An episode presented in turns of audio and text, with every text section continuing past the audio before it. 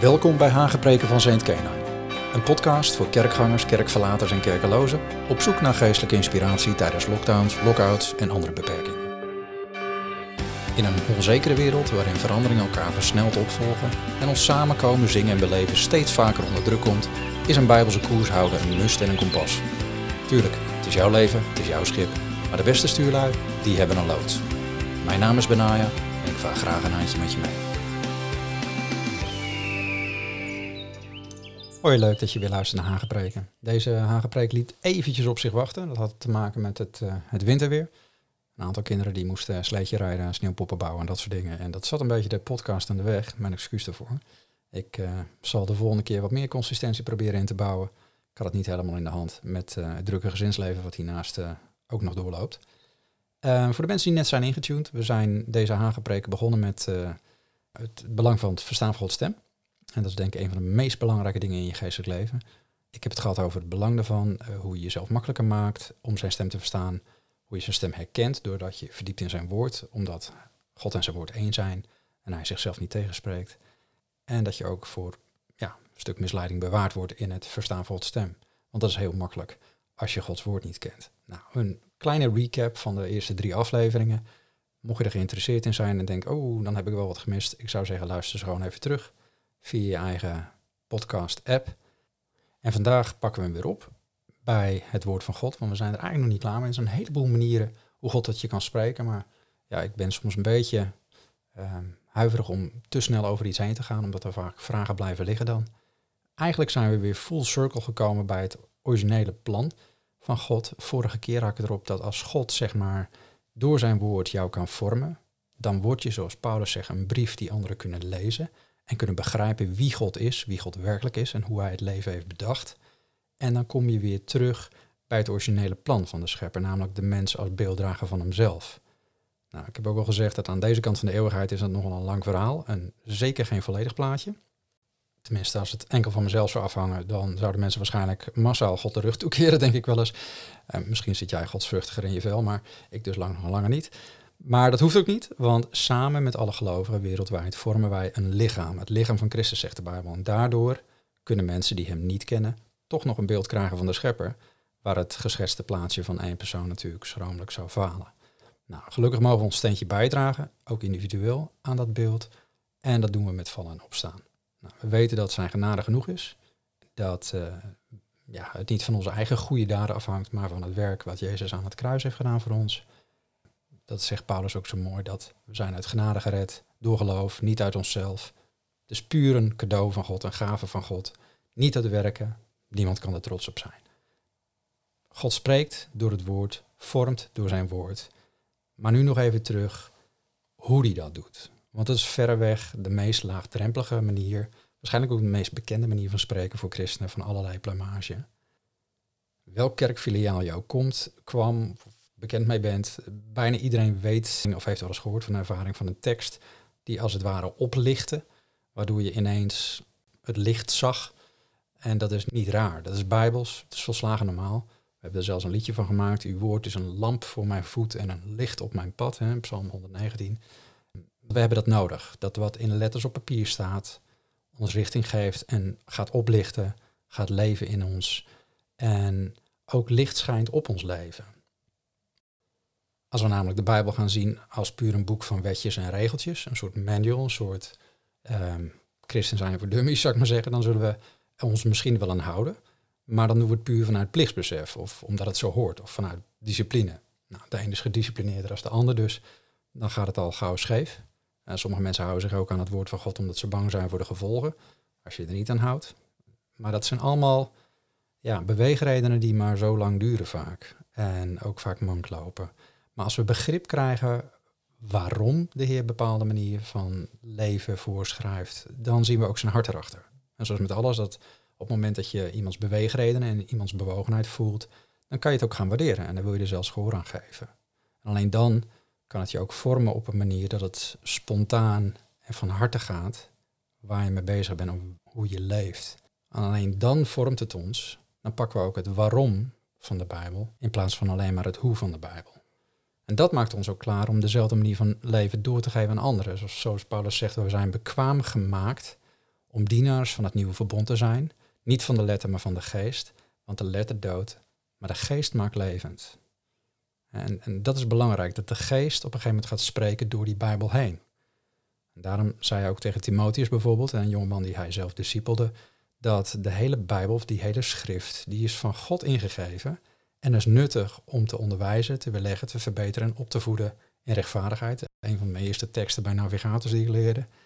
Zodat jij als mens die God toebehoort vermaakt zijn en tot elk goed werk volkomen toegerust.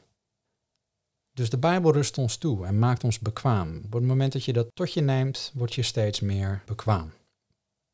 Maar het woord werkt alleen voor degene die ermee aan het werk gaan. Dat is een goeie. Het woord werkt alleen voor degene die, die ermee aan het werk gaan. Maar hoe doe je dat dan? Hoe ga je ermee aan het werk? Nou, de Bijbel is geen uh, spreukenboek of toverboek. Heel veel mensen proberen de Bijbel op een manier te lezen of toe te passen in hun leven die niet, die niet schriftuurlijk is, zou ik zo wat zeggen. Ik noem dat wel eens uh, Bijbeltje prik. Wat bedoel ik daarmee? Sommige mensen slaan de Bijbel op en pakken een willekeurige pagina en dan het eerste beste tekst die ze lezen, nemen ze als woord van God voor dat moment.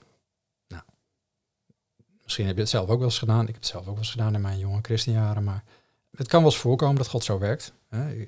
Dat kan. Sluit ik niet uit. Hè. Ik weet bijvoorbeeld van een zendeling in Rusland die eigenlijk 0,0 resultaat zag in het werk wat hij deed. En na jaren klaar was om te vertrekken, helemaal gedesillusioneerd. En hij wou terug naar huis. En ze hadden bijna alles ingepakt. En zijn vrouw pakte nog wat spullen van een nachtkastje toen de Bijbel op de grond viel. En ze bij het oppakken las, uh, Genesis 26 was dat geloof ik, van verblijf als vreemdeling in dit land. En dan zal ik je zegenen en ja, dat, dat stopte haar op de plek waar ze stond en ze liet het aan haar man zien. De Heilige Geest overtuigde hen beiden en na gebed besloot ze toch nog een jaar te blijven. En in dat jaar kwamen de eerste mensen tot geloof en ze zijn uiteindelijk niet meer weggegaan. Dus dat kan. Het, het kan zijn dat God in één keer een tekst laat zien en daar iets mee doet in je binnenste, wat door hem geleid wordt. Tegelijkertijd kan je, als je dit verheft tot manier van Gods leiding, hier enorm mee in de problemen komen. Ik bedoel, uh, je kent misschien het, een heel flauw voorbeeld, maar je kent ook dat als je bijbeltje prik uh, zou doen en je zou een tekst lezen van hij ging heen en hing zich op. Hè, in uh, het verhaal wat wordt verteld over Judas. Dan denk je, nou, dat is toch maar even niet de tekst die ik nodig heb. even een andere tekst. En dan lees je de volgende tekst, ga heen en doe even zo. Dat soort teksten staan ook in de Bijbel. En als je die allemaal naast elkaar gaat leggen, dan kom je natuurlijk heel fout uit. Dat is natuurlijk een heel flauw, gek voorbeeld. Maar dat kan, je kan wel iets van plan zijn of iets willen doen wat helemaal niet in de gedachte van God ligt voor jouw leven. En als je dan bijvoorbeeld een tekst leest als, um, nou, twee samen heb ik er een gevonden. Daar staat, ga heen, doe al wat in uw hart is, want de Heer is met u. Stel dat je Bijbeltje prik doet en dat is de tekst die eruit pakt. Je denkt, nou prachtig, dit ga ik inderdaad doen, want de Heer is met mij. En vervolgens sla je een verkeerd pad op. Waarom? Nou, ik denk dat het belangrijk is dat je eerst beseft dat het de Bijbel niet bedoeld is als een soort rad van fortuin waar bepaalde prijzen uitvallen. Het is geen trucendoos, uh, ook niet een soort book of shadows zoals de meeste mensen in de hekserij bijhouden, waarin ze hun favoriete spreuken en handelingen opgetekend hebben. De Bijbel is een boek van verhalen, van poëzie, van um, theologie, van een heleboel elementen. En die staan allemaal in een context. En de Heilige Geest kan wel degelijk een tekst doen oplichten, zoals in het voorbeeld wat ik noemde. Maar in die situatie was het meer een laatste mogelijkheid voor God om dit echtpaar te remmen. Om hen te weerhouden, een verkeerde beslissing te nemen. En het was dus niet een dagelijkse manier van leiding geven aan hun leven. Maar er staan ook woorden en opmerkingen in de Bijbel die in een bepaalde setting staan en die vormen een onderdeel van een groter geheel, van een verhaal of van een betoog, of zoals ik zei, van een wetgeving. Allerlei settings. De tekst die ik bijvoorbeeld noemde, ga heen en doe al wat er in uw hart is, want de Heer is met u, in 2 Samuel 7 vers 3, was dit een opmerking te goede trouw van de profeet Nathan als reactie op de gedachte van David, hé, hey, laat ik eens voor God een huis gaan bouwen, want God heeft geen huis en ik heb zo'n prachtig huis. hij wou de tempel gaan bouwen. Maar het volgende vers laat al zien dat de profeet Nathan te snel had gesproken, want God corrigeerde hem en vertelde dat de zoon van David dit zou doen. Maar hij zelf niet. Met andere woorden, de tekst zelf werd alweer herroepen binnen de context van de Bijbel.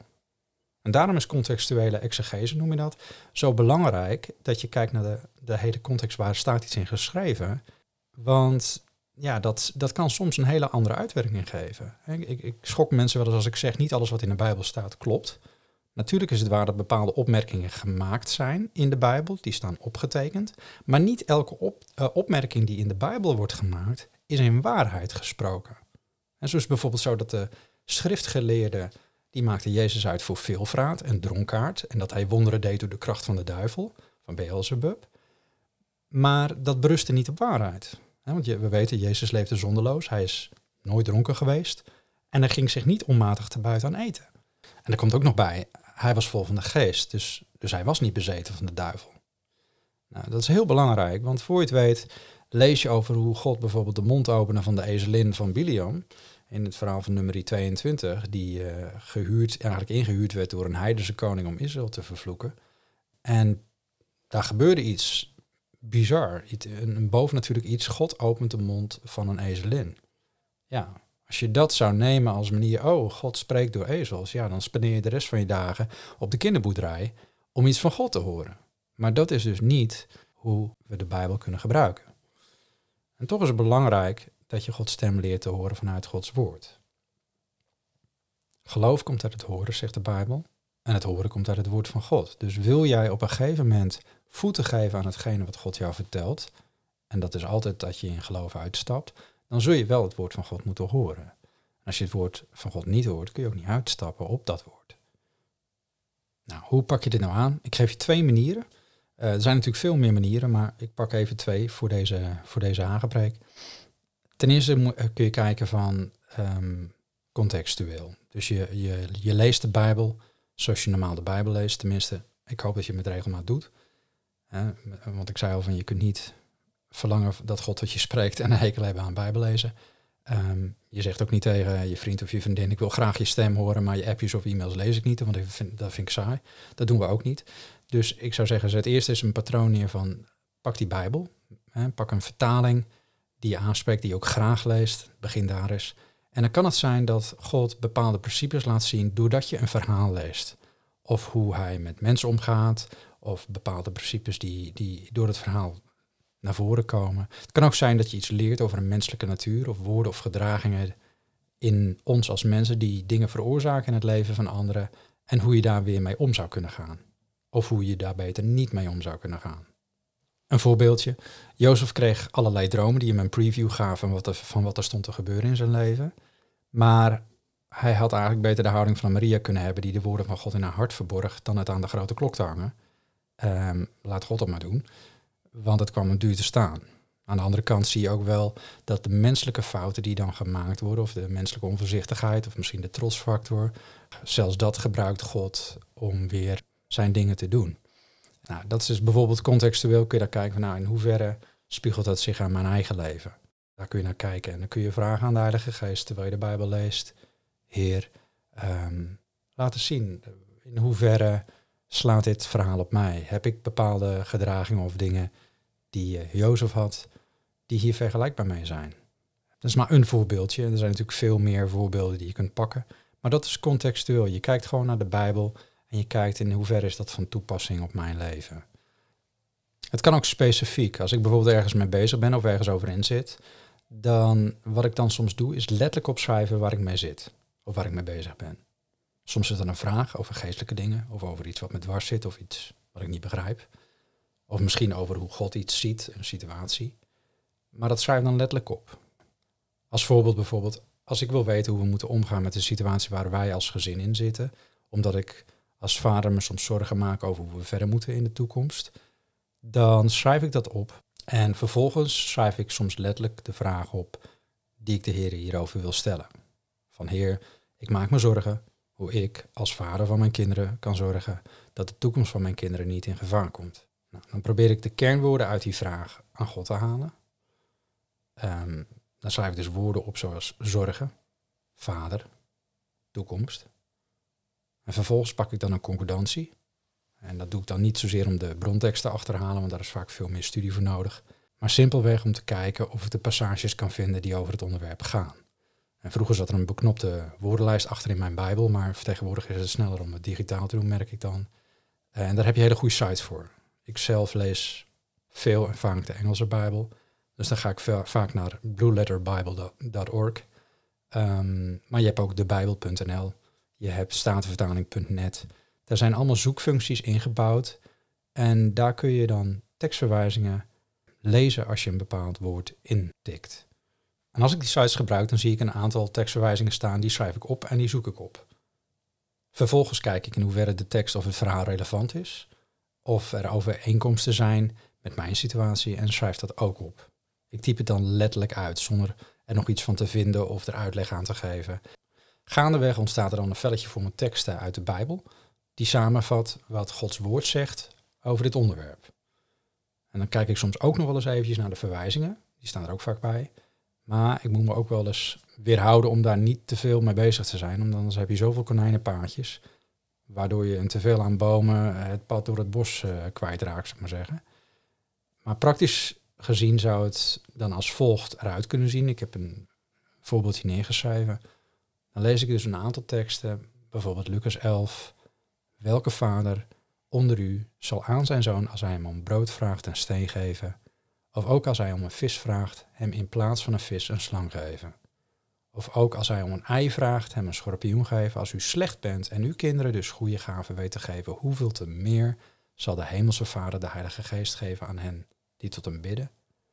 En Psalm 103, zoals een vader zich ontfermt over zijn kinderen, zo ontfermt de Heer zich over wie hem vrezen.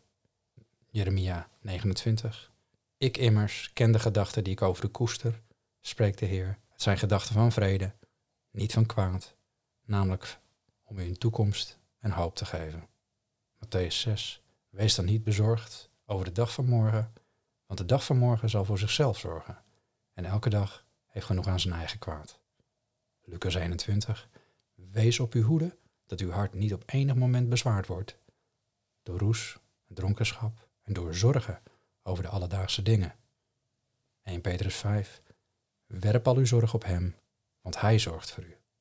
Nou, zomaar een aantal, is natuurlijk een verkorte versie, aantal teksten die je dan kan opschrijven, waardoor je een heel mooi plaatje krijgt over hoe God kijkt en spreekt over dingen als zorgen, vader, toekomst nou, soms merk ik dat de Heilige Geest een bepaalde tekst in het bijzonder bij me naar binnen laat komen. Die komt er gewoon harder aan of dieper binnen. En die blijft dan ook het langste hangen. En soms neem ik die ook mee in gebed door de dag of ik schrijf hem op. Let wel, ik vraag God mij om zijn gedachten. Om het te onderwijzen. Dus niet om een takenlijstje van dingen die ik moet gaan doen. Want 9 van de 10 keren merk ik namelijk dat het woord iets in mij moet doen. In mij moet bewerken voordat ik überhaupt iets kan veranderen in mijn leven. En dat is geestelijk gesproken de meest natuurlijke weg. Dan bewerkt Gods woord het in mij. zoals de Bijbel zo mooi zegt, hij werkt zowel het willen als het werken in ons. En soms heb ik ook wel eens dat ik denk, Heer, ik lees het wel, maar ik wil het niet eens. Wil het maar door mij. Bewerk maar het willen en het werken in mij. En dat is de genade die God ons geeft. We kunnen zelf heel hard gaan knokken, maar God moet het in je bewerken. Het enige wat het van ons vraagt is die open houding. En dat, dat open hart. En de reden dat iedereen dit biddend kan doen, volgens mij, is omdat Jezus zijn kerk bouwde ook op gewone, ongeletterde, eenvoudige mensen die bij Jezus waren geweest. En niet dat theologie geen plaats heeft. Ik heb zelf ook twee theologische opleidingen genoten. De bekendste theoloog was in die zin Paulus, die nou, grote delen van het Nieuwe Testament schreef. Maar het is geen vereiste. En daarbij, zolang je open staat voor interactie met andere gelovigen, omdat je samen de lengte, diepte, hoogte van alles wat, uh, wat we van God kunnen begrijpen, kan zien. En ook beseft dat je onvolkomen bent in je kennen en je profiteren, zeg 1 Korinthe 13, dan blijf je echt wel binnen de veilige marge. En last but not least, Jezus beloofde ons de Heilige Geest, die ons in alle waarheid zou leiden. En die leest met je mee. Als je dit biddend doet, dan helpt hij je daarin. En dat is ook wat Petrus zei, die zei van ja, al die dingen die in profetie zijn voortgebracht, was niet door de wil van een mens, maar er waren heilige mensen van God die door de geest gedreven werden. Zo hebben ze gesproken en, en dat is ook waar wij nu staan. Hij zei, ik zal mijn geest uitstorten op alle vlees, dus op alle mensen. En uh, dat maakt niet uit wie je bent. En dat is misschien ook wel goed om hier een volgende keer eens in te duiken, de rol van de Heilige Geest in het verstaan van Gods stem. Want die leest, zoals ik al zei, met je mee. En die brengt die dingen naar voren. En die verlicht bepaalde teksten, zodat het in je kan gaan leven. Nou, hopelijk krijg je al zin om Gods woord in te duiken. Probeer het eens uit op die manieren. En kijk eens wat God jou wil zeggen. Heb je vragen, heb je aanvullingen? Schroom niet om even te surfen naar benai.nl. Dan word je doorgeloodst naar een contactformulier. Blijf koers houden. Blijf luisteren. De volgende keer navigeren we verder.